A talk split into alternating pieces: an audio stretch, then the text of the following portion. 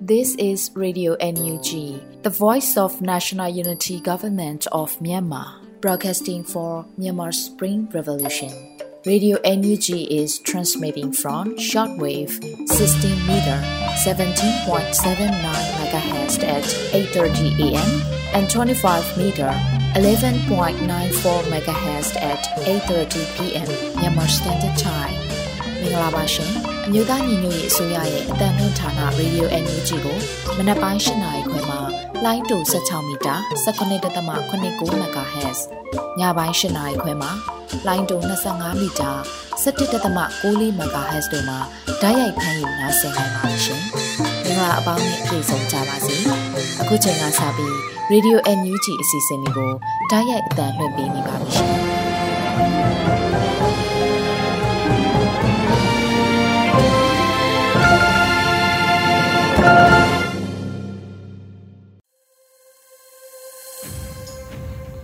မြန်မာနိုင်ငံသူနိုင်ငံသားအပေါင်းတဘာဝပေးဆရာနာရှင်ပြီးတို့ကနေကင်းဝေးပြီးကိုစိတ်နှစ်ပါးပေးကင်းလုံခြုံကြပါစေလို့ရေဒီယိုအန်ယူဂျီဖွယ်သားများကဆုတောင်းမြတ်တာပို့သလိုက်ရပါတယ်ရှင်။ခုချိန်ကစပြီးကာကွယ်ရေးဝန်ကြီးဌာနရဲ့စီအေးသတင်းချင်းချုပ်ကိုတော့ຫນွေဦးမောင်မှဖတ်ကြားတင်ပြပေးပါရမရှင်။ယခုတင်ဆက်ပေးမှာကတော့ကာကွယ်ရေးဝန်ကြီးဌာနအမျိုးသားညီညွတ်ရေးအစိုးရမှထုတ်ဝေသောနိုင်စဉ်စီရေးသတင်းအချင်းချုပ်ပဲဖြစ်ပါတယ်။ ကျွန်တော်ကတော့ຫນွေဦးမောင်ပါခင်ဗျာနေ့စဉ်စီရေးသတင်းအချင်းချုပ်ကိုတင်ဆက်ပေးပါမယ်စစ်ကောင်စီတပ်သားကြဆုံ44ဦးစစ်ကောင်စီတပ်သားဒဏ်ရာရ42ဦးစစ်ကောင်စီနဲ့တိုက်ပွဲဖြစ်ပွားမှုသတင်းများကိုတင်ဆက်ပေးပါမယ်ကရင်နီကရားပြည်နယ်တွင်ဇူလိုင်လ6ရက်နေ့မနက်6နာရီခန့်ကလွိုက်ကော်မြို့နယ်လောပိတကျေးရွာအနီးရှိစစ်ကောင်စီ၏တမောပင်စခန်းအားကရင်နီတပ်မတော် KA နဲ့ KNDF တို့ပူးပေါင်းပြီးတွားရောက်တိုက်ခိုက်ခဲ့ရာ စစ်ကောင်စီတပ်မှဗိုလ်လေးအဆင့်ရှိသူတို့ရင်ဘတ်ကြီးထိမှန်တေဆုံးခဲ့သည်တိုက်ခိုက်မှုအတွင်စစ်ကောင်စီမှရဟတ်ရင်ဖြင့်12ကြိမ်တိုက်လေရင်ဖြင့်9ကြိမ်လာရောက်တိုက်ခိုက်ခဲ့ပြီးထိုစခန်းကိုတိုက်ခိုက်နေစဉ်ရိုက်ကော်မြို့နယ်၄မိုင်အမှတ်၁စခန်းမှစစ်ကူလာသောစစ်ကောင်စီတပ်ဖွဲ့များကိုဆိုလဆယ်နဲ့လောကထုကျေးရွာအကြား KNDF မှအနီးကပ်ကြားဖြတ်တိုက်ခိုက်ခဲ့ရာစစ်ကောင်စီတပ်သား9ဦးသေဆုံးခဲ့ပြီး4ဦးဒဏ်ရာရရှိခဲ့ကြောင်းသိရပါတယ်။ မွန်ပြည်နယ်တွင်ဇူလိုင်လ9ရက်နေ့မနက်10:00နာရီခန့်ကတန်ဖြူစရက်မြို့နယ်တန်ဖြူစရက်ရေးကားလမ်းရှိစက်ကောင်စီကား၄စီးပါရင်တန်းကိုအောင်တာယာရွာနဲ့လိမ္မော်ချံရွာကြားတွင်မွန်ပြည်နယ်တောင်ညိုပြည်သူပျောက်ကြားတပ်ဖွဲ့မှဂျုံကိုကြားဖြတ်တိုက်ခိုက်ခဲ့ရာစစ်ကောင်စီတပ်ဖွဲ့ဝင်12ဦးသေဆုံးပြီး4ဦးထိခိုက်ဒဏ်ရာရရှိခဲ့ကြောင်းသိရပါတယ်။ချင်းပြည်နယ်တွင်ဇူလိုင်လ9ရက်နေ့မနက်6နာရီခန့်ကမတူပီမြို့နယ်အမ်လိုင်းကျေးရွာတွင်စက်ကောင်စီရင်တန်းနှင့် CDF မတူပီ CNA CDF ဇွန်တန်းပူးပေါင်းတပ်တို့တိုက်ပွဲဖြစ်ပွားခဲ့ပြီးစစ်ကောင်စီတပ်သား2ဦးသေဆုံးက6ဦးဒဏ်ရာရရှိခဲ့ကြောင်းသိရပါတယ်။စကိုင်းတိုင်းတွင်ဇလိုင်လ10ရက်နေ့မနက်9:00နာရီခန့်ကချောင်းဦးမြို့နယ်မှထွက်ခွာလာသောစစ်ကောင်စီအရာရှိတအုပ်နှင့်စစ်ကောင်စီတပ်သား15ဦးလိုက်ပါလာသော NOAX 51 9446အဖြူရောင်ကားတစ်စီးကို Farmer Resolution Force FRF ချူတက်ရင်နဲ့မြောင်မြို့နယ်တော်လန်ရေးတပ် MRA စကိုင်းခရိုင်တပ်ရင်း9တို့မှပရိသာမိုင်း15လုံးဖြင့်ဖောက်ခွဲတိုက်ခိုက်ခဲ့ပါတယ်။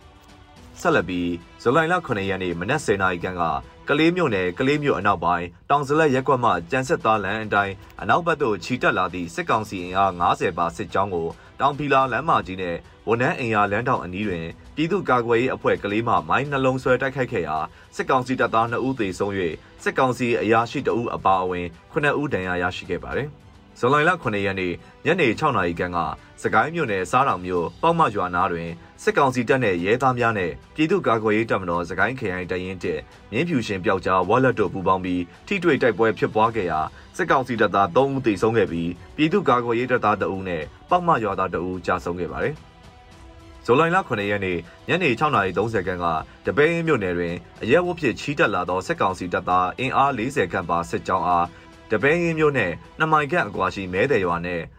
ဝဘာရရွာကြားတွင် အာနာရှင်တော်လန်ရေးပြည်သူ့တပ်မတော် DRPA ဘုံမုတ်စိတ်အဖွဲ့ FRF တပ်ဖွဲ့ရွှေဘိုခရိုင်တရင်24ရွှေဘိုခရိုင်တရင်12 Galaxy Force နဲ့တပင်းပြည်သူ့ကာကွယ်ရေးအဖွဲ့များပူးပေါင်းတိုက်ခိုက်ခဲ့ရာမိနစ်20ခန့်နှစ်ဖက်အပြန်အလှန်ပစ်ခတ်ခဲ့ပြီးစစ်ကောင်စီတပ်သား12ဦးခန့်သေဆုံးခဲ့ကြောင်းသိရပါတယ်။ဇွန်လ9ရက်နေ့မနက်9:40ခန်းက စကိုင်းမြို့နယ်မှရွှေဘုံမြို့နယ်သို့ထွက်ခွာလာသောစစ်ကောင်စီများတင်ဆောင်လာသည့်အပြာရောင်မှန်လုံကားကိုလှတော်နှင့်ဘုံဘွယ်ရွာကြားတွင် Ghost Rider Special Task Force ဘာမာတပ်ဖွဲ့နှင့်နတ်တောင်နဂါပြည်သူ့ကာကွယ်ရေးတပ်ဖွဲ့တို့မှပဒေသာမိုင်း6လုံးဖြင့်ဖောက်ခွဲတိုက်ခိုက်ခဲ့ရာကားမှန်ကွဲ၍စစ်ကောင်စီတပ်သား10ဦးထိခိုက်ဒဏ်ရာရရှိခဲ့ကြောင်းသိရပါတယ်။ဇွန်လ9ရက်နေ့နေ့လယ်12:30ခန်းက ဝက်လက်မြို့နယ်မှရွှေဘုံမြို့နယ်သို့ထွက်ခွာလာသောစစ်ကောင်စီတပ်သားများလိုက်ပါလာသည့်ဖော်ကားတစ်စီးနှင့်အရာရှိကားဟုယူဆရသောအင်စီကားတစ်စီးကို Ghost Rider Special Task Force ဘာမာတပ်ဖွဲ့နှင့်နက်တောင်နဂါပြည်သူ့ကာကွယ်ရေးတပ်ဖွဲ့တို့မှမိုင်း6လုံးဖြင့်ထပ်မံဖောက်ခွဲတိုက်ခိုက်ခဲ့ရာအင်စီကားခေါင်းမိုင်းထိမှန်၍စုပ်ပြတ်သွားကြောင်းသိရပါသည်။ဆက်လက်ပြီးဇွန်လ9ရက်နေ့ညနေ9:00နာရီခန့်ကဝက်လက်မြို့နယ်ကျွဲစင်ရွာနယ်စိုင်းနိုင်ကြီးအကြားတွင် စစ်ကောင်စီတပ်သားများလိုက်ပါလာသည့်ဖော်ကားတစ်စီးနှင့်အင်စီကားနှစ်စီးကို Ghost Rider Special Task Force ဘာမာတပ်ဖွဲ့နှင့်နတ်တောင်နဂါပြည်သူ့ကာကွယ်ရေးတပ်ဖွဲ့တို့မှမိုင်းချောင်လုံးဖြင့်ဖောက်ခွဲတိုက်ခိုက်ခဲ့ရာအင်စီကားထိခိုက်ပျက်စီး၍အရာရှိတအုပ်အပါအဝင်စစ်ကောင်စီတပ်သားအများအပြားထိခိုက်ဒဏ်ရာရရှိခဲ့ကြောင်းသိရပါသည်။မကွေးတိုင်းတွင်ဇွန်လ9ရက်နေ့စိတ်ဖြူမြို့နယ်ကန်စွန်းမရွာအနီးသို့ အပိုင်းသုံးပိုင်းခွဲ၍စစ်ကြောင်းထိုးလာသောစစ်ကောင်စီစစ်ကြောင်းများအားစိတ်ဖြူအနောက်ပိုင်းစိတ်ဖြူဘာမတီအဖွဲ့မှမိုင်းကြိမ်ကြိမ်ဆွဲခဲ့၍စစ်ကောင်စီအရာရှိတအူးနှင့်စစ်ကောင်စီတပ်သားတအူးသေဆုံးခဲ့ပါသည်။ဆက်လက်ပြီးစစ်ကောင်စီကျူးလွန်သောရာဇဝတ်မှုများကိုတင်ဆက်ပေးပါမယ်။ရှမ်းပြည်နယ်တွင်ဇူလိုင်လ9ရက်နေ့ည8နာရီခန့်ကကလောမြို့နယ်ဘော်ဆိုင်တွင်အထက်တန်းမြကျောင်းဆရာဦးပြုံးမမောင်ကိုစစ်ကောင်စီမှဖမ်းဆီးခဲ့ကြောင်းသိရပါဗျ။ ဇွန်လ9ရက်နေ့ကပင်းတရမြို့နယ်ပင်းတရမြို့မိုင်းရင်ကျေးရွာရှိစီဒီအန်ကျောင်းဆရာတအုပ်ကိုစစ်ကောင်စီများကဝင်ရောက်ရှာဖွေခဲ့ရာမတွေ့၍၎င်း၏ဖခင်ဖြစ်သူဦးတင်မောင်အားစစ်ကောင်စီမှဖမ်းဆီးခေါ်ဆောင်သွားခဲ့ကြောင်းသိရပါဗျ။ကချင်ပြည်နယ်တွင်ဇူလိုင်လ10ရက်နေ့ကမြစ်ကြီးနားမြို့နယ်မြစ်ကြီးနားမြို့တက်ကုန်းရက်ကွက်ရှိတရားလွတ်တော်ရှိနေဦးတင်ထွန်းသိန်း၏နေအိမ်ကိုစစ်ကောင်စီတပ်မှလာရောက်ချိတ်ပိတ်သွားကြောင်းသိရပါဗျ။ဇူလိုင်လ10ရက်နေ့ကမြစ်ကြီးနားမြို့နယ်မြစ်ကြီးနားမြို့ပမဒီရက်ကွက်ရှိလီဆူတိုင်းသားရေးရွာဝန်ကြီးဟောင်း ဦးအားတီယောဟန်၏နေအိမ်ကိုစစ်ကောင်စီတပ်မှအကြမ်းဖက်မှုတိုက်ဖျက်ရေးဥပဒေ52ကကြီးဖြင့်လာရောက်ချိတ်ပိတ်သွားကြောင်းသိရပါတယ်။ဇွန်လ9ရက်နေ့ကမိုးကောင်းမြို့နယ်မိုးကောင်းမြို့အရှိရက်ကွက်တွင်ရှိသောမိုးကောင်းမြို့နယ်အမျိုးသားဒီမိုကရေစီအဖွဲ့ချုပ် NLD ပါတီဥက္ကဋ္ဌဒေါ်ခင်မာကြီး၏နေအိမ်ကိုစစ်ကောင်စီတပ်မှအင်အား90ခန့်ဖြင့်လာရောက်ချိတ်ပိတ်သွားခဲ့ကြောင်းသိရပါတယ်။စကိုင်းတိုင်းတွင်ဇူလိုင်လ9ရက်နေ့ကပလဲမြို့နယ်မင်းရွာကျေးရွာအားစစ်ကောင်စီများမှမီးရှို့ဖျက်ဆီးခဲ့ရာ နေအိမ်66လုံးမီးလောင်ကျွမ်းပျက်စီးခဲ့ပြီးမတန်ဆွမ်းလေးဖြတ်ထားသည့်ပြည်သူတအူးမီးလောင်အသက်ဆုံးရှုံးခဲ့ရပါတယ်။ထို့နောက်စစ်ကောင်စီများကမင်းရွာကျေးရွာ၏နောက်ဘက်တမိုင်ခန့်အကွာမှနွားကူကျေးရွာအားဝင်ရောက်ဖျက်ဆီးနေလျက်ရှိရာနွားကူကျေးရွာတွင်ဒေသခံပြည်သူများနဲ့အနီးဝန်းကျင်မှစစ်ဆောင်ပြည်သူများပိတ်မိနေခဲ့ပါတယ်။ ဇူလိုင်လ9ရက်နေ့ည9:00နာရီခန့်ကမုံရွာမြို့နယ်မုံရွာမြို့တွင်စစ်ကောင်စီမှစက်မှုဆောင်ကောင်းမြတ်ကျဲစင်ဟိန်းနာရှိလက်ဖက်ရည်ဆိုင်ပိုင်ရှင်အသက်30အရွယ်ကိုထွန်းနဲ့စီယောင်းသူတို့ဖြစ်သည့်အသက်20နှစ်အရွယ်ခွတ်တိုးအမည်ပြောင်းတဲ့စီစီတို့အားဖမ်းဆီးသွားခဲ့ပါတယ်။နောက်ဆုံးအနေနဲ့မကွေးတိုင်းတွင်ဇူလိုင်လ10ရက်နေ့မနက်ပိုင်းကပခောက်ကူမြို့နယ်ရှားတူးရွာသို့စစ်ကောင်စီအင်အား40ခန့်ဝင်ရောက်ကအကြမ်းဖက်မီးရှို့နေခဲ့ပါတယ်။ ဇွန်လ10ရက်နေ့ညနေပိုင်းကပခုတ်ကူမြို့နယ်စံဖြူရွာတွင်စစ်ကောင်စီအင်အား40ခန့်မှအကြမ်းဖက်မီးရှို့ခဲ့ပါတယ်ဇူလိုင်လ9ရက်နေ့ညနေပိုင်းကပေါ့မြို့နယ်စူးဝင်းရွာရေနံမော်ရွာသို့စစ်ကောင်စီပူးပေါင်းစစ်ကြောင်းမှဝင်ရောက်အကြမ်းဖက်မီးရှို့ခဲ့ပါတယ်။ယခုတင်ဆက်ပေးခဲ့တာကတော့ကာကွယ်ရေးဝန်ကြီးဌာနအမျိုးသားညီညွတ်ရေးအစိုးရမှထုတ်ဝေသောနိုင်စဉ်စီရေးသတင်းအကျဉ်းချုပ်ပဲဖြစ်ပါတယ်။မှတ်ချက်ရေပြင်သတင်းတာဝန်ခံများနဲ့သတင်းဌာနများမှဖော်ပြလာသောအချက်အလက်များအပေါ်အခြေခံ၍ပြုစုထားပါတယ်ခင်ဗျာ။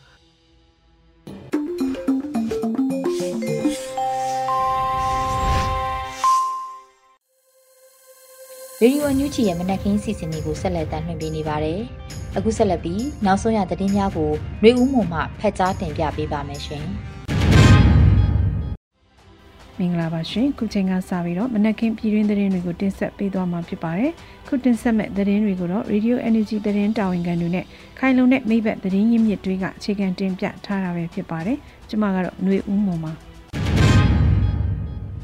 တမူးမြို့တွင်အိန္ဒိယနိုင်ငံသား2ဦးတပ်ဖြတ်ခံရမှုကျူးလွန်သူများမှာပြူစောတိအဖွဲ့ဝင်2ဦးဖြစ်သောဖိုးစိန်နဲ့ဇော်ရဲတို့ဖြစ်ကြောင်းမြို့သားညီညွတ်ရေးအစိုးရကထုတ်ပြန်တဲ့အကြောင်းအရာကိုဆက်လက်တင်ဆက်ပေးပါမယ်။တမူးမြို့မှာအိန္ဒိယနိုင်ငံသား2ဦးတပ်ဖြတ်ခံရမှုကျူးလွန်သူတွေဟာပြူစောတိအဖွဲ့ဝင်2ဦးဖြစ်တဲ့ဖိုးစိန်နဲ့ဇော်ရဲတို့ဖြစ်ကြောင်းမြို့သားညီညွတ်ရေးအစိုးရကထုတ်ပြန်လိုက်ပါတယ်။ဇူလိုင်10ရက်နေ့မှာတမူးမြို့တွင် အိန္ဒိယနိုင်ငံသား2ဦးတပ်ဖြတ်ခံရတဲ့ကိစ္စနဲ့ပတ်သက်ပြီးမြို့သားညီညွတ်ရေးအစိုးရကကြေညာချက်အမှတ်16မြင်းဆောင်2022ကိုထုတ်ပြန်ခဲ့ပါတယ်။ထုတ်ပြန်ချက်အရ2022ခုနှစ်ဇူလိုင်လ9ရက်မွန်းလွဲတနာရီခန့်တွင်တမူးမြို့စော်ဝါရက်ကွက်အမကလေးကျောင်းအနီး၌အိန္ဒိယနိုင်ငံသားများဖြစ်သောမစ္စတာပီမူဟန်28နှစ်နဲ့မစ္စတာအေယနာ35နှစ်တို့ဟာအကြံဖက်စစ်ကောင်စီရဲ့တောက်တိုင်ဖြစ်သောပြူစောတိအဖွဲ့ဝင်များကရက်ဆက်စွာပြစ်ခတ်တပ်ဖြတ်ခဲ့ကြောင်းစိတ်မကောင်းစွာသိရပါတယ်လို့ဖော်ပြပါတယ်။ ထို့ပြင်၎င်းတို့ရဲ့ရုပ်ကလပ်တွေကိုကျန်းရည်သူမိသားစုတွေကိုပြန်လည်လွှဲပြောင်းပေးရခြင်းမပြုဘဲအဲ့ဒီနှစ်မှာတမှုမျိုးမှာစစ်ကောင်စီလက်အောက်ခံအုပ်ချုပ်ရေးအဖွဲ့အစည်းများကဦးဆောင်ပြီးမိတကြိုခဲ့ကြောင်းသိရှိရပါတယ်။ထပ်ပါတပ်ဖြတ်မှုကိုကျူးလွန်သူများမှာတမှုမျိုးရှိပြူစောတိကောင်းဆောင်တအုပ်ဖြစ်တဲ့မောင်လေးဝင်းဆိုသူရဲ့ညွှန်ကြားချက်အောင်မနိုင်ပြူစောတိအဖွဲ့ဝင်2ဦးဖြစ်တဲ့ဖိုးစိန်နဲ့ဇော်ရဲဆိုသူတို့ဖြစ်ကြောင်းသက်ဆိုင်ရာမြို့နယ်မှာတာဝန်ရှိပြည်သူ့ဖွဲ့စည်းများရဲ့တင်ပြချက်အရသိရှိရတယ်လို့မြို့သားညီညွတ်ရေးအစိုးရကဖော်ပြပါတယ်။ဤတပ်ဖြတ်မှုများတွင်စစ်ကောင်စီ၏ညွှန်ကြားမှုဖြင့် ပြူစောတိနှင့်ဆက်ဆက်မှုရှိသောအိန္ဒိယကတဲ့တောင်းချမ်းသူများလည်းပါဝင်ပတ်သက်နေမှုရှိတယ်လို့ဆိုပါတယ်။ကတဲ့တောင်းချမ်းသူအုပ်စုများဟာကျန်းဖက်စစ်ကောင်စီနဲ့ကူညီပူးပေါင်းပြီးဒီမိုကရေစီအင်အားစုတွေကိုတိုက်ခိုက်ခဲ့တဲ့တာရကများစွာရှိပါတယ်လို့ဖော်ပြပါတယ်။လောက်ကျန်သက်ဖြတ်ခြင်းခံရသူများမှာမိုးရေးမြို့မှာနေထိုင်တဲ့တမင်လူမျိုးများဖြစ်ပြီးဤသူမျိုးဝါဖြစ်ကြောင်းလွယ်တကူစုံစမ်းသိရှိနိုင်သူများသာဖြစ်ပြီးတော့နိုင်ငံသားနှစ်ဦးအသက်ခံရခြင်းအားစနစ်တကျအမှုဖွင့်ဆောင်ရွက်ခြင်း အိန္ဒိယနိုင်ငံဘက်သို့အကြောင်းကြားခြင်းစသည်တို့မပြုဘဲတမှုမျိုးရှိစကောင်စီလက်အောက်ခံအုပ်ချုပ်ရေးဆောင်ရွက်သူများကိုယ်တိုင်အဲ့ဒီနေ့မှာပဲအစောတလင်းမိတကြိုဖျောက်ဖျက်လိုက်ခြင်းဟာရင်းသက်ပြတ်မှုရဲ့နောက်ကွယ်မှာစစ်ကောင်စီလက်အောက်ခံအဖွဲ့အစည်းများပါဝင်ပတ်သက်နေတာကိုသုံးသပ်နိုင်တယ်လို့ဆိုပါတယ်။ခုဖြစ်ရကိုကျူလိုသူများဟာပြူစောတိဖွဲ့ဝင်များဖြစ်ကြောင်းတမှုမျိုးနဲ့မိုးရင်းမျိုးများမှနေထိုင်တဲ့ပြည်သူအများသိနေကြသည့်ကိစ္စဖြစ်တော့လဲ စစ်ကောင်စီရဲ့ပြောရေးဆိုခွင့်ရှိသူဆိုသူဇော်မင်းထွန်းကရင်းဖြစ်ရက်ကိုကျူးလွန်နေမှာပြည်သူ့ကာကွယ်ရေးတပ်ဖွဲ့ဝင်များဖြစ်တယ်လို့9ရက်9လ2020ရက်နေ့ကပြုလုပ်တဲ့သတင်းစာရှင်းလင်းပွဲမှာဆွဆွဲထားပြီးအမှတ်တရားကိုပြောင်းလဲလဲညှင်းဆိုထားပါတယ်ခုဖြစ်ရမှာမြမအရေးကိစ္စဟာပြည်တွင်းရေးကိစ္စတသက်မဟုတ်ပဲအင်းကြီးနိုင်ငံများအပါအဝင်ဒေသရင်းနိုင်ငံများရဲ့လုံခြုံငြိမ်းချမ်းရေးနဲ့လူသားမျိုးနွယ်စုတရလုံးရဲ့လုံခြုံငြိမ်းချမ်းရေးတို့ကိုပါထိပါလာတဲ့ လူသားတိုင်းကာကွယ်တားဆီးရမယ်အရေးကိစ္စတစ်ခုဖြစ်ကြောင်းကိုမိမောင်းထိုးပြလျက်ရှိတဲ့ဖြစ်ရများစွာတွေကတစ်ခုဖြစ်ဒီမှာထင်ရှားပါတယ်ယခုကဲ့သို့တပ်ဖြတ်ချင်းခံရတဲ့မစ္စတာပီမိုဟန်နဲ့မစ္စတာအီယနာတို့ရဲ့ကျရဲသူမိသားစုဝင်များနဲ့အတူထပ်တူဝမ်းနဲ့ခြေခွဲဖြစ်ရပါကြောင်းနဲ့၎င်းတို့အတွက်တရားမျှတမှုရရှိနိုင်ရင်မိမိတို့အနေနဲ့ပူးပေါင်းဆောင်ရွက်ရန်အဆင်သင့်ရှိပါကြောင်းအသိပေးထုတ်ပြန်ကြေညာအပ်ပါတယ်လို့မြို့သားညီညွတ်ရေးအစိုးရကဖော်ပြပါတယ်ရှင်။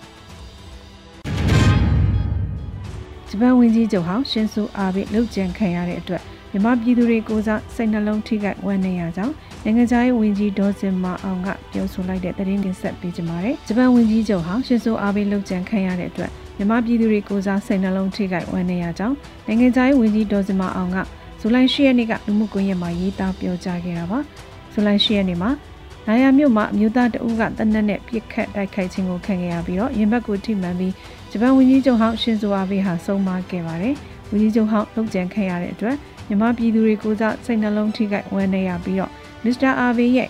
ကူညီထောက်ပံ့မှုတွေကိုမြန်မာပြည်သူတွေဟာမေ့လျော်မှာမဟုတ်ဘူးလို့ဝန်ကြီးဒေါ်စင်မအောင်ကလူမှုကွန်ရက်မှာရေးသားဖော်ပြခဲ့ပါတယ်။ရှင်ဇိုအာဘေးဟာဝန်ကြီးချုပ်ဖြစ်စဉ်ကမြန်မာနိုင်ငံကိုလာရောက်ခဲ့ပြီးပညာရေးကူညီများပေးခဲ့ပြီးတော့နှစ်နိုင်ငံခေါင်းဆောင်များအနေနဲ့ဒေါအောင်ဆန်းစုကြည်ကိုလည်းတွေ့ဆုံခဲ့ပါသေးတယ်ရှင်။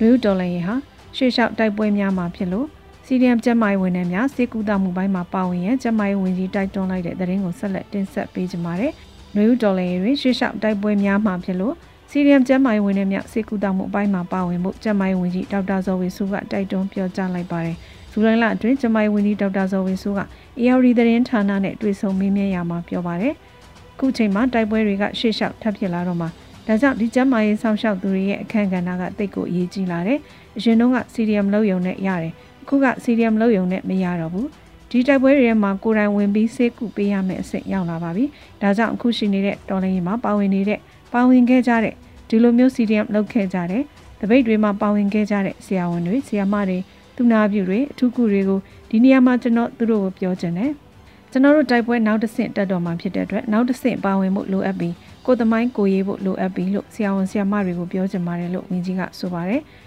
မြို့သားညီညွတ်ရေးအစိုးရကျန်းမာရေးဝန်ကြီးဌာနအောက်မှာကျန်းမာရေးဝန်ထမ်းပေါင်း4000ကျော်နဲ့ကျန်းမာရေးဆောင်ရှောက်မှုများပေးနေတာပဲဖြစ်ပါတယ်ရှင်။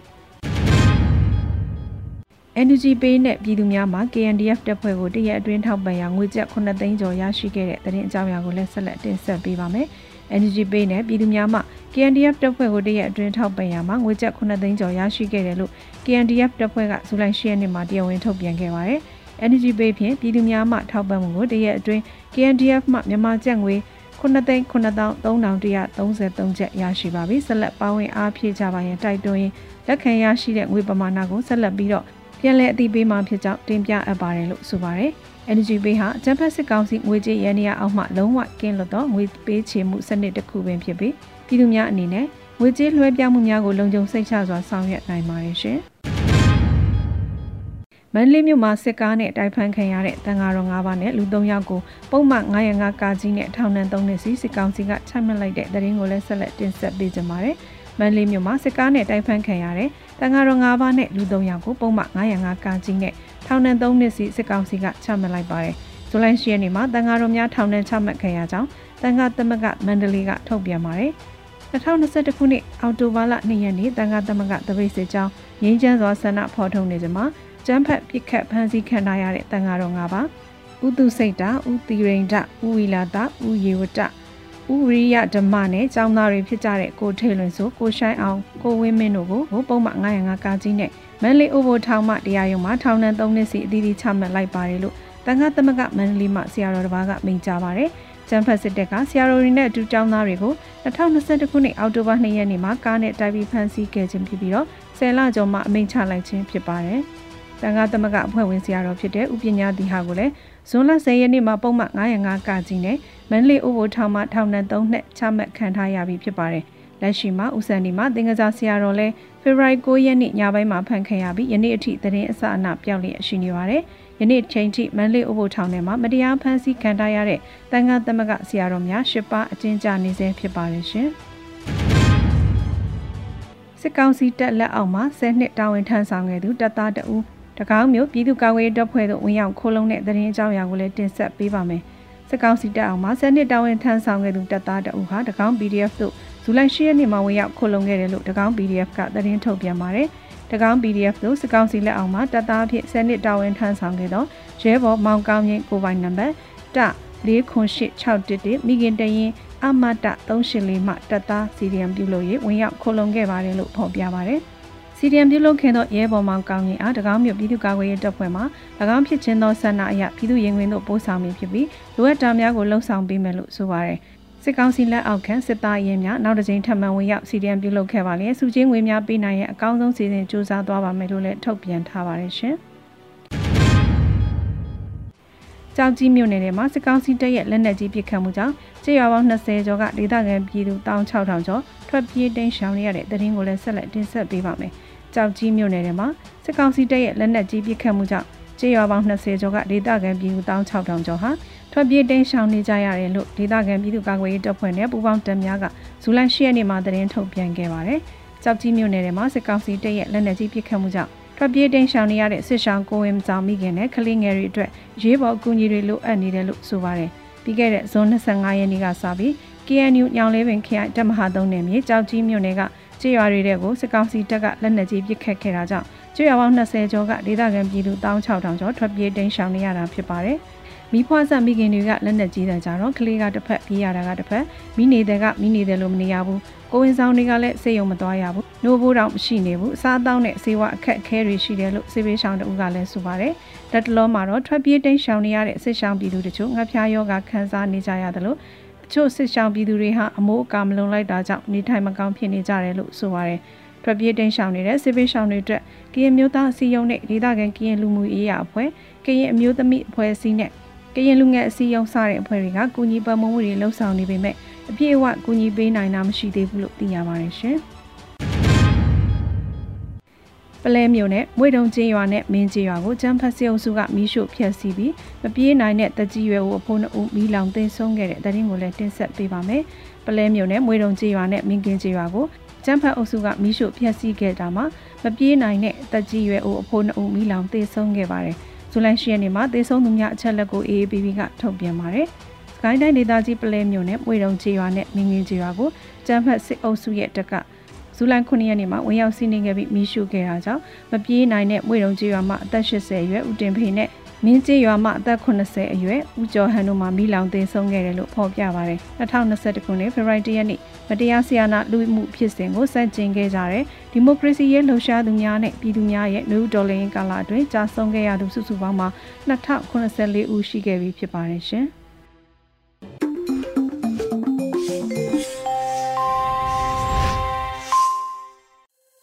ရေဒီယိုအန်ယူဂျီပရိသတ်တွေအတွက်ကူးဆက်လက်ပြီးတင်ဆက်ပေးချင်တာကတော့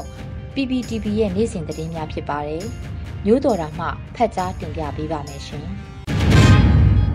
ပထမဆုံးတင်ဆက်ပေးမှာကတော့အခွင့်ထမ်းနေရတဲ့ပုဂ္ဂိုလ်တဦးချင်းနဲ့စီးပွားရေးလုပ်ငန်းတွေကိုကုန်ယူစွာမှတ်တမ်းတင်ထားတယ်လို့အမျိုးသားညွရေးအစိုးရထုတ်ပြန်လိုက်တဲ့သတင်းမှာအကြမ်းဖက်စစ်အာဏာရှင်ကိုတော်လှန်နေတဲ့ကာလမှာအခွင့်ထမ်းဆောင်နေတဲ့လူပုဂ္ဂိုလ်တဦးချင်းနဲ့ စီးပွားရေးလုပ်ငန်းတွေကိုကုန်ယူစွာနဲ့မှတ်တမ်းတင်ထားတယ်လို့အမျိုးသားညွရေးအစိုးရ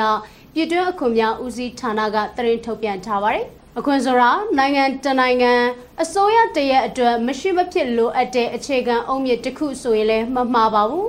အမျိုးသားညွရေးအစိုးရရဲ့ပြည်တွင်းအခွင့်များဦးစီးဌာနမှလည်းအခုလိုအကြမ်းဖက်စစ်အာဏာရှင်ကိုတွန်းလှန်နေတဲ့ကာလမှာအခွင့်ထမ်းဆောင်နေတဲ့လူပုဂ္ဂိုလ်တဦးချင်းနဲ့စီးပွားရေးလုပ်ငန်းများကိုကုန်ယူစွာမှတ်တမ်းတင်ထားပါတယ်လို့ပြည်တွင်းအခွင့်များဦးစီးဌာနကသတင်းထုတ်ပြန်ရမှာဖော်ပြထားပါတယ်။ အခွင့်ထမ်းဆောင်ဖို့ဂျန်နေတဲ့စီးပွားရေးလုပ်ငန်းများကိုလည်းဘယ်လိုကြောင့်အခွင့်ထမ်းဆောင်တင်တာအခွင့်ထမ်းဆောင်ဖို့ဘယ်လိုတွေဆက်သွယ်ဆောင်ရွက်ရမလဲဆိုတာတွေကိုထုတ်ပြန်ပေးနေတယ်လို့ဆိုထားပါတယ်အခွင့်ထမ်းဆောင်ဖို့တည်ကျင်တယ်ဆိုရင်ပြည်တွင်းအခွင့်များဦးစီးဌာနရဲ့ contact/nug-mm.net email မှာတဆင့် notice letter တွေပေးပို့နေတယ်လို့ဖော်ပြထားပါတယ် အခုတင်ဆက်ပေးမှာကတော့မိုတွမှာအခက်အခဲပေါင်းစုံကြုံတွေ့နေရတဲ့စစ်ပေးရှောင်အမျိုးသမီးတွေအတွက်ကမ်းလက်လွှမ်းခြုံဇွန်ပိုင်းယုံအမိပေးထားတဲ့ကန်စားမဲရောင်းပြီးအလူငွေရှာနေတဲ့အစီအစဉ်ပြုလုပ်နေတဲ့ဆိုတဲ့သတင်းမှာအမျိုးသားညွရေးဆိုရအမျိုးသမီးလူငယ်ကလေးသူငယ်ရေးဝန်ကြီးဌာနနဲ့ ဂျပန်နိုင်ငံတိုကျိုမြို့က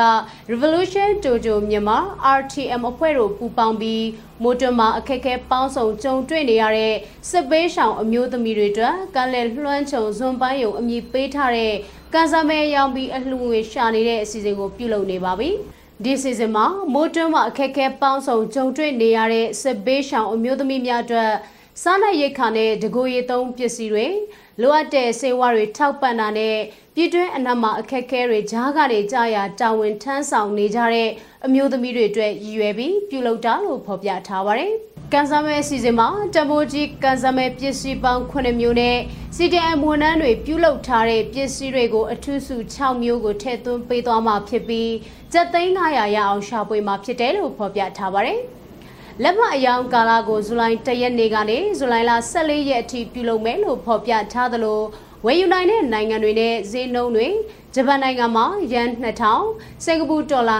20ကိုရီးယားဝွန်2000ထိုင်းဘတ်450အမေရိကန်ဒေါ်လာ15ဩစတြေးလျဒေါ်လာ21ယူရို21လို့ဖော်ပြထားတာတွေ့ရပါတယ် ဆက်လက်တင်ဆက်ပေးမှာကတော့ကရင်ပြည်နယ်ကရင်အမျိုးသားအစည်းအရုံးနယ်မြေဖြစ်တဲ့ညောင်လေးပင်ခရိုင်မုံမြို့နယ်အတွင်းကအကြမ်းဖက်စစ်တပ်ရဲ့ဖမ်းဆီးတပ်ဖြတ်မှုကြောင့်ထွက်ပြေးနေရတဲ့ပြည်သူတွေအိမ်တွေကိုအကြမ်းဖက်စစ်တပ်ကဖောက်ထွင်းဝင်ရောက်ပြီးပစ္စည်းတွေခိုးယူမှုကိုပြုလုပ်နေတယ်လို့ GNU ဗဟိုကသတင်းထုတ်ပြန်လိုက်ပါတယ်။ထုတ်ပြန်ချက်ထဲမှာဇူလိုင်လ2ရက်ကစပြီး KNU မုံမြို့နယ်ရဲ့စီမံအုပ်ချုပ်မှုနယ်မြေအတွင်းရှိ အာနာသိန်းအကြမ်းဖက်စစ်ကောင်စီရဲ့တပ်စခန်း၅ခုတိုက်ခိုက်ခံရပြီးနောက်အကြမ်းဖက်စစ်ကောင်စီမှကျေးရွာတွေအတွင်းကိုလက်နက်ကြီးတွေပစ်ခတ်တာလေယာဉ်နဲ့ထောက်လှမ်းတာတွေကြောင့်ဒေသခံတွေကြောက်လန့်ကပြီးလို့ရကိုတိမ်းရှောင်နေရတယ်လို့ဖော်ပြထားပါတယ်။ အဲ့ဒီလိုဖြစ်ရမျိုးကျေးရွာတိုင်းလိုလိုမှာဖြစ်ပွားနေပြီးတော့လက်ရှိမှာတင်းရှောင်နေရတဲ့ကျေးရွာတွေမှာလူမရှိတော့တဲ့အတွက်နေအိမ်ဆိုင်တွေကိုအာနာသိန်းအကြမ်းဖက်စစ်ကောင်စီကဖောက်ထွင်းဖျက်ဆီးပြီးဒေသခံပြည်သူတွေရဲ့ပိုင်ဆိုင်မှုတွေကိုသိမ်းယူခဲ့တဲ့အတွက်တပတ်မှာထွက်ပြေးတိမ်းရှောင်နေသူတွေရဲ့ကြားထဲမှာမိမိတို့ပိုင်ဆိုင်မှုတွေကိုဖျက်ဆီးသိမ်းယူခံရတဲ့အတွက်ကြီးမားတဲ့အခက်အခဲတွေကြုံတွေ့နေရတယ်လို့ထုတ်ပြန်ချက်မှာဖော်ပြထားပါတယ်။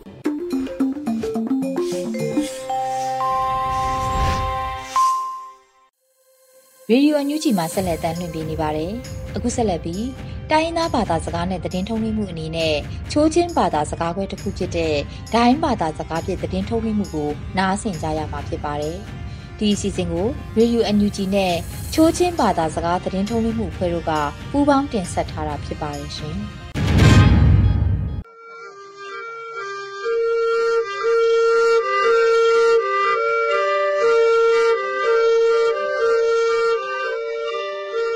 ရေဒီယိုအန်ယူဂျီဒိုင်ဘက်ထိုင်ထုံနောက်ဆုံငါကီနိုပါဘေနာနိယယေနောင်နီတုငွိခေါကုမ်ထောင်ဟိကနုံကိုယံဟီဒိုပိခါအမ်ဟပ်ကို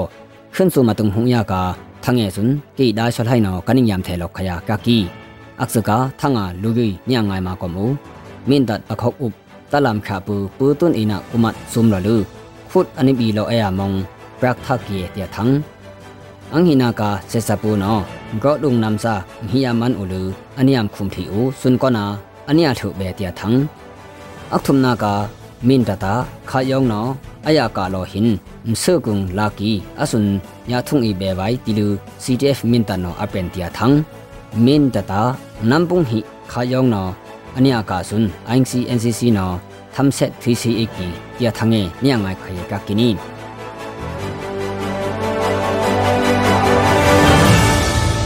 มินตัดประคบอุบตลาสียางปูสุนขกุมทองให้กุนมกุยามัดตูบิคราอัมหบคืออุง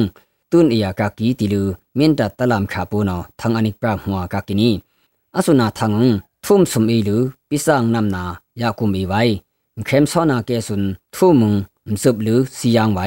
ตลาสียางปูสุนลุนเฮเต็งเฮนำปุงอสุสตาเวลูเต็งเฮยานำอภุภุงเร่งไปนักสียางปูนอยาสียางลู อาสัวอัมทอนขอกิจุนลุนเฮียยาซียังเร่งไปสักเบไว้ครัวนิทุมนิงจบลือยาซียังไว้ทุมงอังปุงขอกิจุนลุนเฮตลาซียังปูนอตลาทุมนิงซียังไว้ตูตาคมเด็งมาปุลิกปูผีเวลกิยากะลือตลามขณะปอเป็นลวกากีกุมัดอุมงปอเป็นซียังแงผีเทยลือนิ่งยำหมดันไว้ติลือทั้งอันนี้เป็นหัวกากินี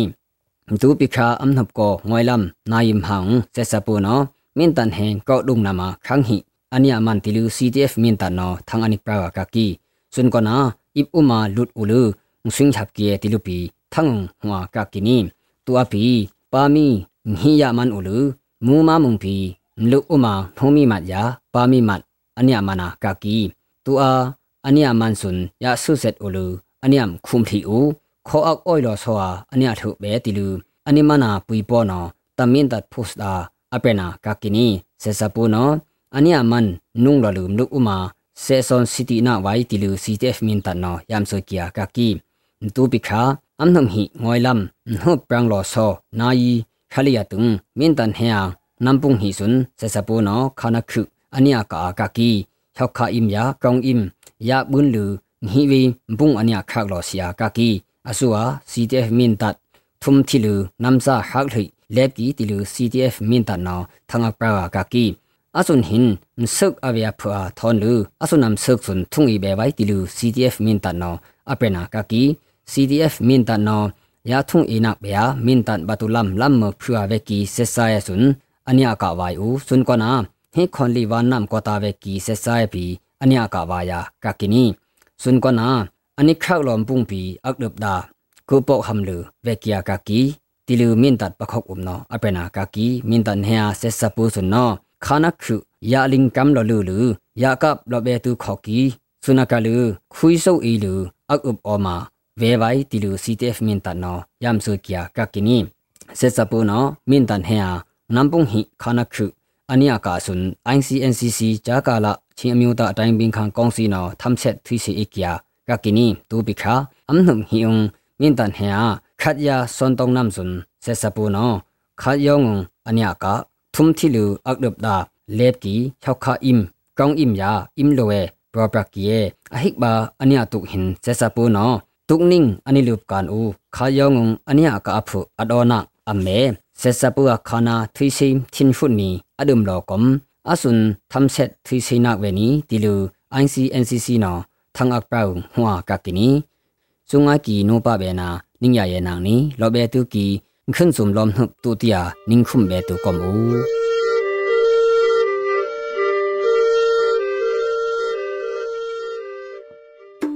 ဒီကနေ့ကတော့ဒီညနဲ့ပဲ Radio NUG ရဲ့အစီအစဉ်လေးကိုခਿੱတရနာလိုက်ပါမယ်ရှင်။မြမစံတော်ချိန်မနက်၈နာရီခွဲနဲ့ည၈နာရီခွဲအချိန်တွေမှာပြန်လည်ဆုံတွေ့ကြပါစို့။ Radio NUG ကိုမနက်ပိုင်း၈နာရီခွဲမှာလိုင်းတူ16မီတာ17.8 MHz ညပိုင်း၈နာရီခွဲမှာလိုင်းတူ25မီတာ17.6 MHz တို့မှာဓာတ်ရိုက်ဖမ်းလို့နိုင်စေနိုင်ပါပြီ။မြမြန်မာနိုင်ငံသူနိုင်ငံသား တွေကိုစိတ်နှပြကျန်းမာချမ်းသာလို့ဘေးကင်းလုံခြုံကြပါစေလို့ Radio NUG အဖွဲ့သူဖွဲ့သားတွေကဆုတောင်းမြတ်တာပို့တာလိုက်ရပါတယ်ရှင်။မြေသားညီမတွေအစိုးရရဲ့စက်သွေးရေးသတင်းအချက်အလက်တွေပညာဝန်ကြီးဌာနကထုတ်လွှင့်နေတဲ့ Radio NUG ဖြစ်ပါတယ်။ San Francisco Bay Area အခြေစိုက်မြန်မာမိသားစုတွေနဲ့နိုင်ငံတကာကစေတနာရှင်လို့အားပေးနေတဲ့ Radio NUG ဖြစ်ပါတယ်။အရေးတော်ပုံအောင်ရမည်